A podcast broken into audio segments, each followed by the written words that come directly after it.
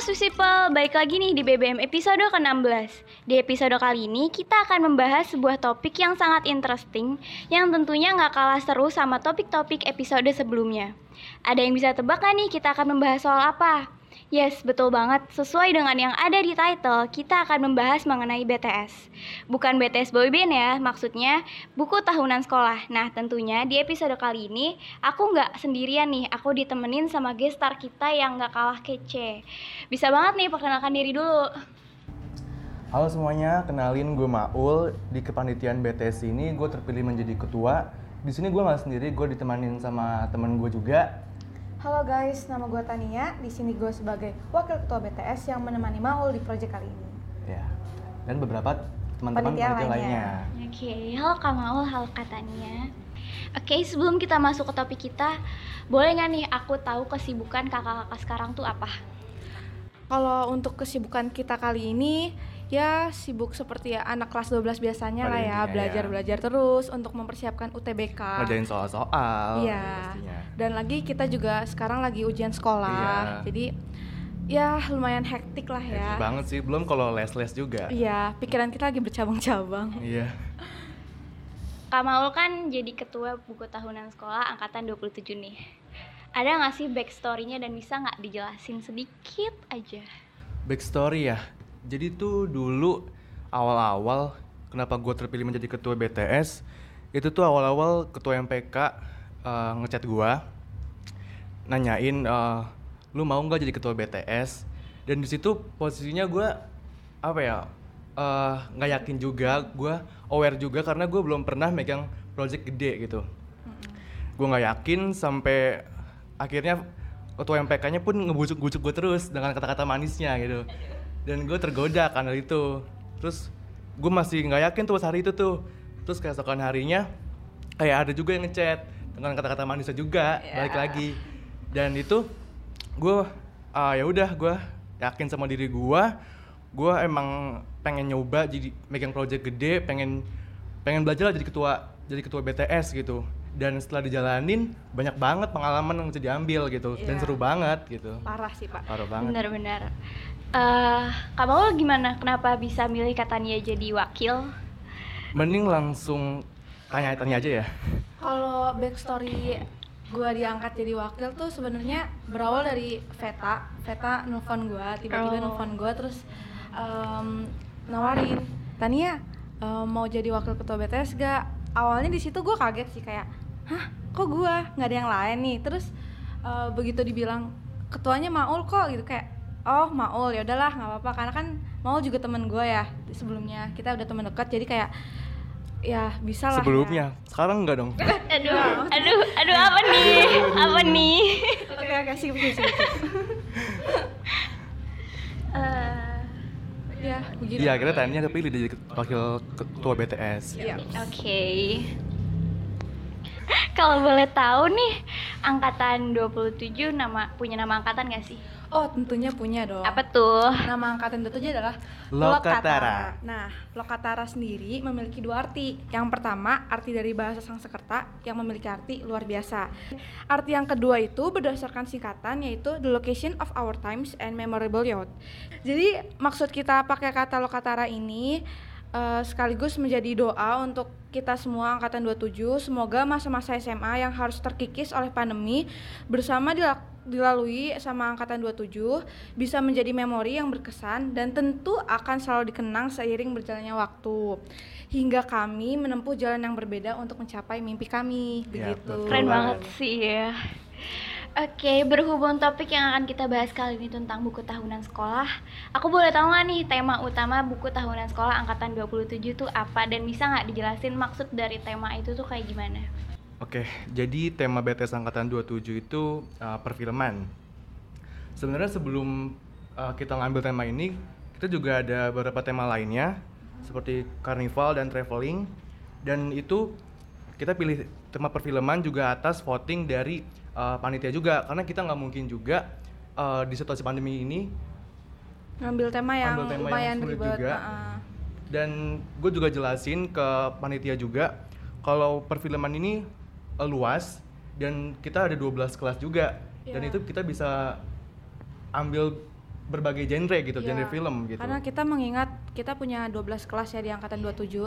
Jadi kita mengambil tema perfilman karena eh, film tuh lebih gampang dicarinya. Kita mencari, benar. Heeh. Luas Iya. Luas.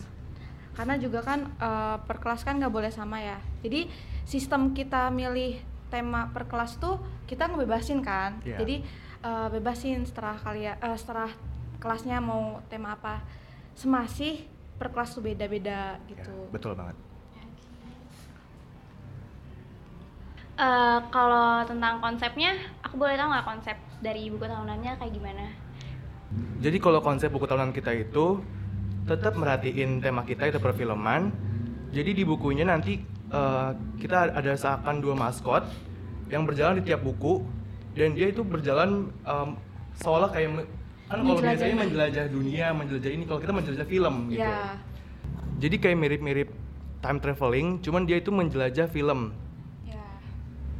Ya. Jadi eh, karena kan kita punya 12 kelas jadi macam-macam filmnya juga. Jadi kayak IPA 1 ada Stranger Things, IPA 2 ada Sherlock Holmes, IPA 3 ada Knives Out, IPA 4 ada Clueless, IPA 5 ada Ocean 8 and 11, IPA 6 ada Friends, IPA 1 ada IPS sorry, IPS 1 ada Peaky Blinders, IPS 2 ada Sex Education, IPS 3 ada Start Startup, IPS 4 ada Never Have I Ever, IPS 5 ada Dead Poets Society, dan IPS 6 ada Kill Your Darlings. Jadi ada 12 film itu kan. Jadi eh, seolah-olah dua maskot ini menjelajahi 12 film Dua itu. film itu, ya benar. Jadi konten di buku tahunan kita itu sebenarnya sama aja kayak uh, konten pada konten BTS pada umumnya. Tentu ada sambutan dan juga sambutan guru atau sambutan ketua BTS, ket- ketua OSIS MPK dan juga ada formasi tentunya. Dan ada Lokatar Awards juga atau nomi- nominasi-nominasi dari angkatan kita. Terus juga ada ekskul, events, dan juga confession. Itu confession paling lucu sih, Iya, pasti. Confession. Iya. Jadi untuk angkatan 27 ditunggu aja ya bukunya ya. Iya. Tadi kan Kak Maul mention ada konten formasi. Eh, maksud dari konten formasi itu kayak gimana sih kak? Jadi konten formasi itu kita ngelibatin uh, anak-anak angkatan kita. Cuman uh, sangat disayangkan juga karena di, di situasi pandemi ini kita nggak bisa ngelibatin seluruh angkatan kita. Kita hanya memakai 50% dari angkatan kita.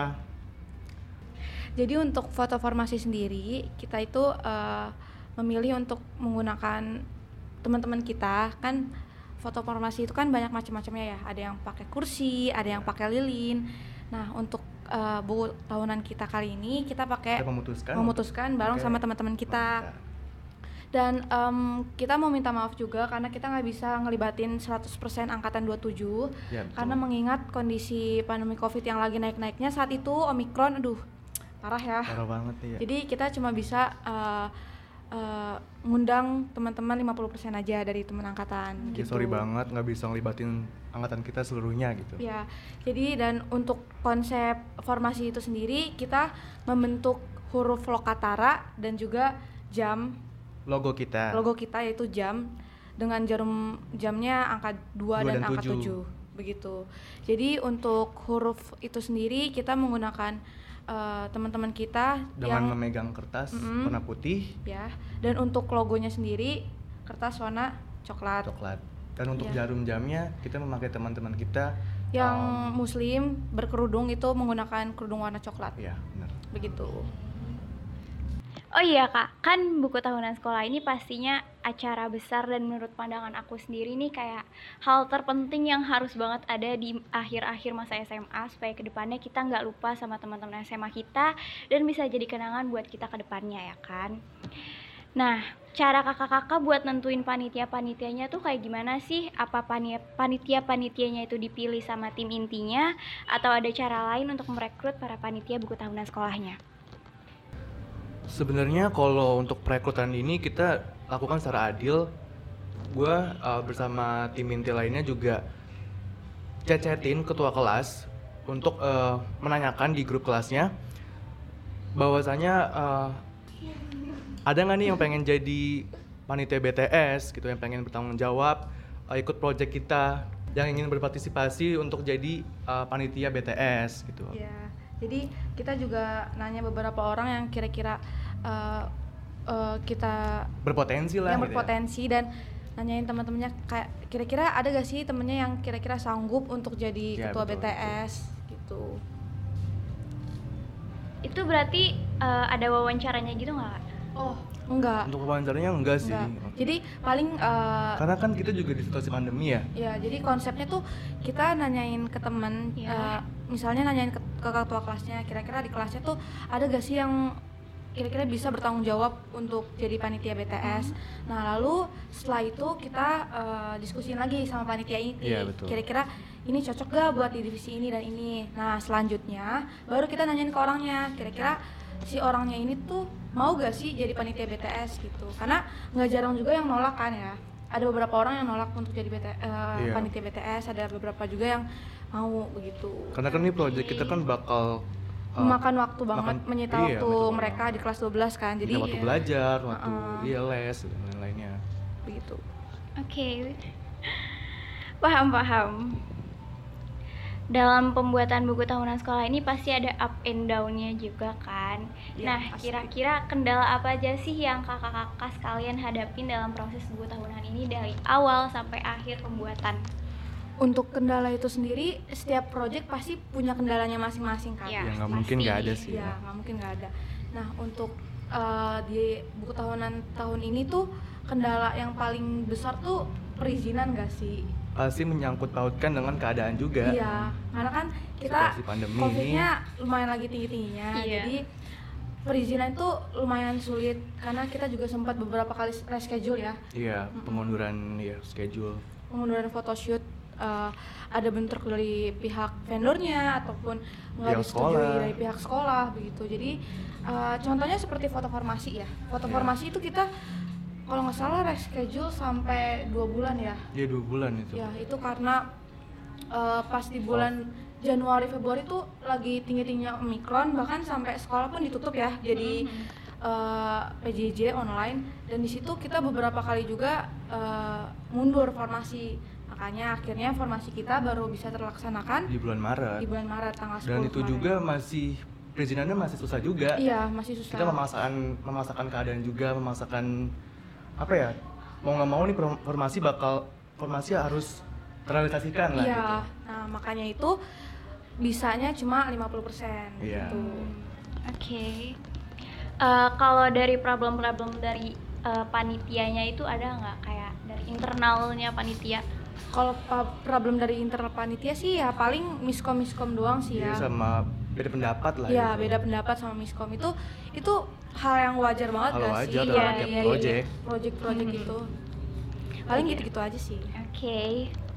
Kalau soal dana itu ngumpulinnya gimana? Sistemnya itu kayak gimana sih supaya eh, angkatan kakak sendiri ini mau ikutan? Karena kan pasti kalau soal dana tuh sensitif banget ya. Pasti Iya pasti. eh, pasti. kalau kemahalan juga nggak enak. Kalau terlalu murah juga takut eh, hasilnya tuh kurang memuaskan gitu Iya. kan. Nah itu kon- sistemnya itu kayak gimana kak? Ya jadi untuk penentuan dana itu sendiri kita mendiskusikan sama angkatan juga. Jadi dari eh, tiap-tiap grup kelas kita menanyakan kira-kira dengan harga segini ada yang yang keberatan keberatan nggak nggak, gitu kan. Oke. Nah untuk yang keberatan itu kita kasih keringanan. Keringanan. Jadi eh, kira-kira yang keberatan itu sanggupnya berapa sih gitu. Nah dari situ kita eh, kumpulin dan kita hasilin dari dana subsidi. Iya. Jadi em, kita kasih harga lebih mahal 20% ya? Eh 10% nggak sih? Iya 10%. Jadi eh, dari harga vendor sendiri kita kasih harga lebih mahal untuk anak-anaknya karena untuk sisa uang yang kita mahalin itu untuk kita tambahin untuk ke menutupi subsidi. ya untuk menutupi uang-uang subsidi yang teman-teman kita yang kurang mampu atau enggak Oh, enggak iya. sanggup dengan Iya. bayaran segitu. Bagus sih ya. Setuju sih aku sistemnya kayak gitu. Jadi kayak bisa menutupi juga Iya, ya kan. ah. eh aku mau nanya buat Kak Maul ada nggak yang selama kakak jadi ketua nih ada yang remehin kakak gitu nggak? Aduh Remehin ya. ngeremehin. Duh Kak Maul nggak pantas nih jadi ketua gitu kan Gimana sih Maul nih? aduh namanya orang ya eh, sebaik-baiknya orang tuh pasti ada aja nggak sih yang nggak suka gitu Iya pasti Iya. So kita udah ngejalanin yang benar pasti ada aja yang nggak suka gitu. Dan itu pasti ada sih, pasti ada. Cuman kalau dari gue yang ngeremehin gue atau nggak suka sama gue ya udah gue cuek aja sih. Karena selagi itu nggak ngerugiin gue, kenapa gue harus mikirin mikirin ya. gitu, ya. pusingin gitu. Ya. Terus juga kalau lu nggak mau berpartisipasi, seenggaknya hargain gue juga gitu, hargain effort-effort teman-teman lu Iya. juga. Karena kalau lu nggak bisa ngehargain orang, gimana lu bisa ngehargain diri sendiri gitu sih, prinsip dari gue. benar-benar Maul setuju setuju 2022. aduh Iya bener, belajar menghargai keputusan orang lebih tepatnya. Karena keputusan jadi ketua BTS itu termasuk keputusan yang berat gitu. Ini bukan keputusan yang gampang. Karena proyek ini tuh ngelibatin puluhan, bahkan ratusan orang. Dan sebenarnya semua orang pun layak untuk jadi ketua BTS atau ketua apa pun itu. Cuma balik lagi ke dianya. Dia mau nggak? Dia yakin nggak? Dia berani nggak? Kalau dia mau, itu udah termasuk bentuk rasa percaya, rasa percaya diri dia dan berani berani untuk terima resiko-resiko ke depannya.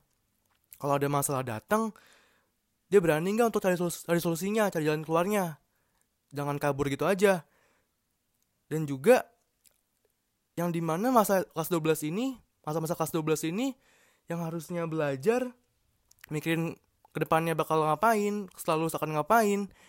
Di sini lo harus bertanggung jawab sama project ini. Bisa dibilang lo akan berkorban banyak waktu juga untuk project untuk kelancaran project ini. Dan itu balik lagi bukan hanya untuk kesenangan diri seseorang, bukan hanya untuk kesenangan ketua. Ini untuk kesenangan banyak orang untuk kalian semua angkatan 27. Jadi sekali lagi belajar untuk menghargai keputusan orang ya. Bener sih apa kata Kak Maul, aku setuju banget loh.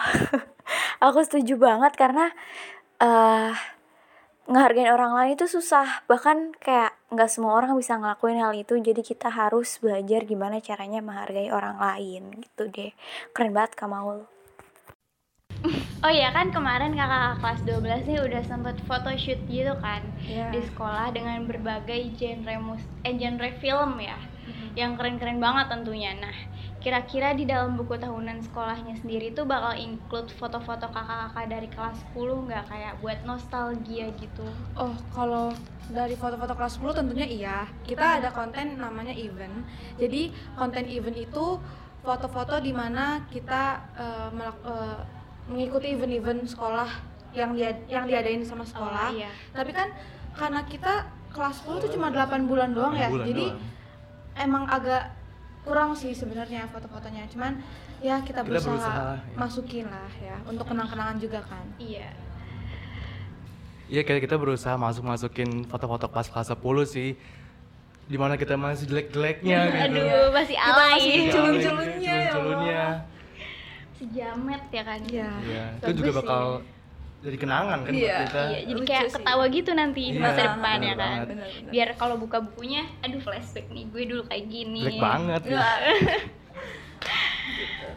Eh, Oke, lanjutnya. Lanjut ya, mungkin ini hal yang paling penting dalam buku, buku tahunan sekolah.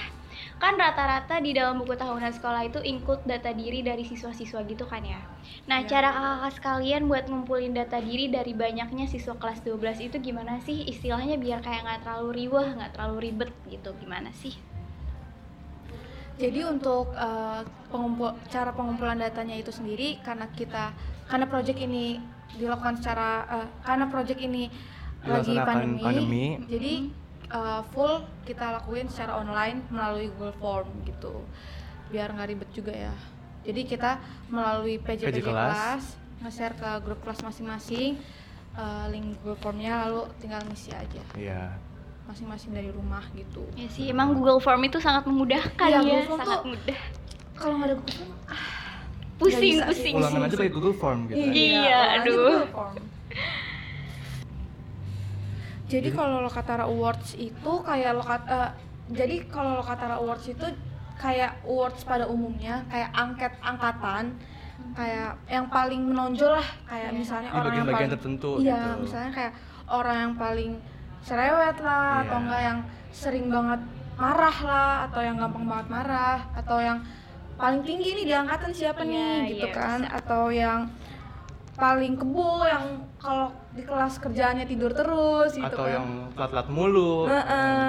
ada juga Jadi- yang yang paling famous lah yang paling gitu yang paling paling lah pokoknya. Iya. jadi kita ada jadi di angket kita ini ada trompet, terbanting, termometer, ter- terampil, terlelap, terlemot, terkenal, terlawak, terancam punah, terglow up, terlambe, tersakiti, terasa dekat, terpadat, terikat, dan terbelah dua. Aduh, gemes banget dah. Itu lucu-lucu banget sih Lucu-lucu kalau- banget sih. iya. Jadi penasaran pengen lihat hasilnya. Aduh. harus lihat sih. stay tune stay tune ditungguin ditungguin Eh, kalau soal pembuatan waktu pembuatan buku tahunan sekolah itu dari kapan sampai kapan sih kalau misalnya untuk project kali ini itu start mulainya itu dari September ya dari Iya. pas Maul ketemu sama vendor kita dan Mhm. untuk eh, sesi pemotretan itu targetnya itu dari mulai dari Desember pertengahan Desember untuk foto-foto per kelas dan lain-lainnya dan untuk foto formasi itu eh, Sebenarnya Januari. targetnya Januari. Iya, jadi target foto tuh dari Desember sampai Januari gitu. Tapi karena kondisi yang nggak memungkinkan pas pandemi ini eh, baru terrealisasikan foto formasi bulan Iya. Maret. Dan yang tadi Tania bilang juga dengan Omicron lagi naik-naiknya, Mhm. kita mau nggak mau mundur tuh foto formasi. Jadi Iya. kita selesai di bulan Maret. Iya. lama juga ya Iya lama juga. ya. iya lama juga sih ya kondisinya lagi kayak gini juga ya mau kayak gimana lagi ya kan Betul banget. Yang mana? oh iya aku mau nanya nih kondisi buku tahunan sekolah tahun ini tuh lebih ribet nggak sih dari buku tahunan sekolah yang tahun lalu atau sebelum sebelumnya Sebenarnya kalau project BTS itu pasti ribet sih. Iya, pasti pasti ribet sih. ya. Iya, pasti ribet. Pasti banyak banget kendala-kendala yang ada di project tiap project sih gitu. Iya, pasti ada kendalanya. Apalagi di sini gue baru pertama kali kan megang project uh, gede gitu. Tentunya pasti ada kendala-kendala entah dari gua atau dari panitia gua atau dari angkatan gitu. Belum lagi kalau perizinan-perizinan sekolah itu bakal ini banget sih uh, Agak- jadi susah terrealisasikan Iya, gitu. Untuk eh, ribetan mana sama angkatan sebelumnya sebenarnya hampir sama sih karena angkatan sebelumnya kan dilaksanakan pas covid juga kan. Iya, benar. Angkatan angkatan kita juga dilaksanakan sama covid. Cuman ya syukurnya untuk angkatan kita kan udah mulai offline offline kan sekolahnya, Iya. jadi bisa curi-curi waktu untuk pemotretan.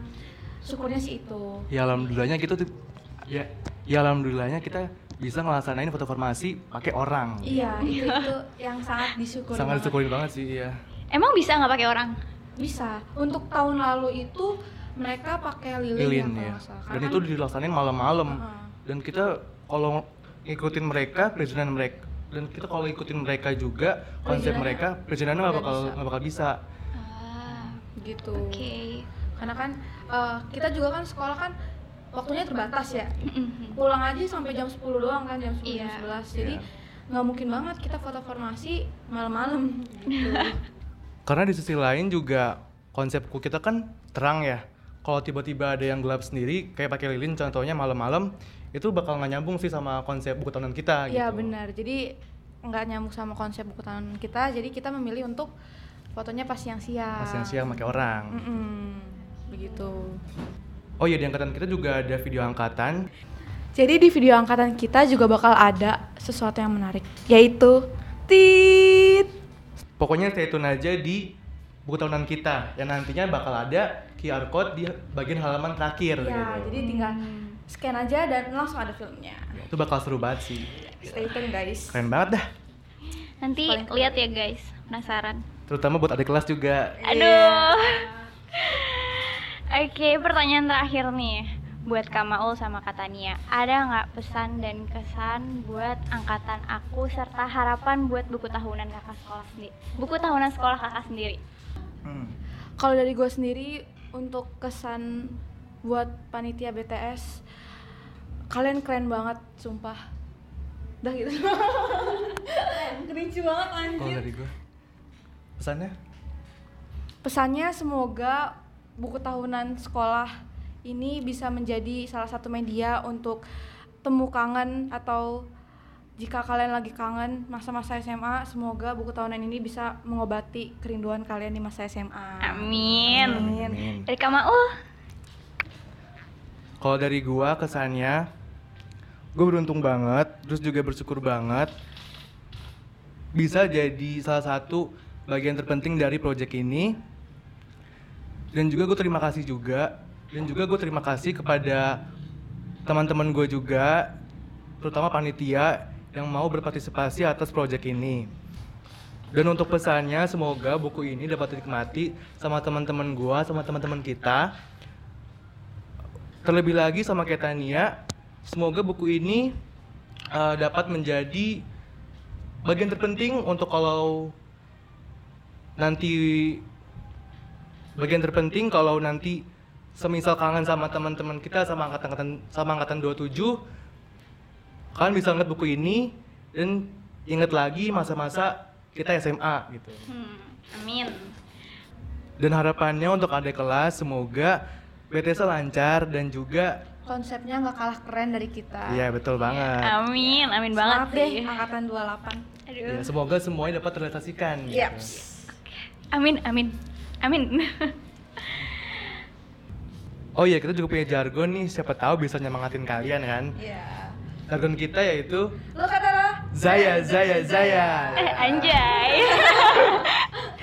keren, keren. Semoga tadi doa-doanya bisa terkabul ya. Amin. Amin. Amin. Duh, teman-teman BBM sekalian, gak kerasa ya sekarang kita udah di penghujung episode ke-16 aja. Dari beberapa pertanyaan yang udah diutarain tadi ke kakak-kakak ini, kita tentunya dapat banyak banget informasi dan juga persiapan untuk kita nanti saat udah kelas 12. Gimana cara nentuin tema, konsep, konsep buku, atau apa aja up and down-nya saat ikut berkontribusi dalam mengurus buku tahunan sekolah tahun ini. Dan aku juga mau ucapin terima kasih sebanyak-banyaknya kepada Kak Mau sama Kak Tania. Thank you juga. Iya, thank you Iya. juga udah ngundang kita di BBM kali ini. Sorry juga kalau ada salah-salah kata ya dari kita. Iya. It's okay. Makasih karena udah mau sharing informasi dan pengalamannya saat mengurus buku tahunan sekolah tahun ini. Semua ide yang kakak-kakak sekalian kerahin itu keren-keren banget dan pastinya teman-teman yang lagi dengerin juga pasti kayak terheran-heran kok keren banget gitu kan. Aduh, sekali lagi terima kasih banyak dan semangat terus buat kakak-kakak dan seluruh panitia. Semoga semuanya berjalan dengan lancar hingga selesai. Amin. Makasih juga buat teman-teman semua yang udah dengerin BBM episode ke-16 ini. Semoga episode kali ini memberikan kalian informasi yang berharga dan dapat menghibur kalian semua. Aku Sania sebagai host episode kali ini pamit undur diri. See you all in the next episode. Bye. Dadah. Dadah.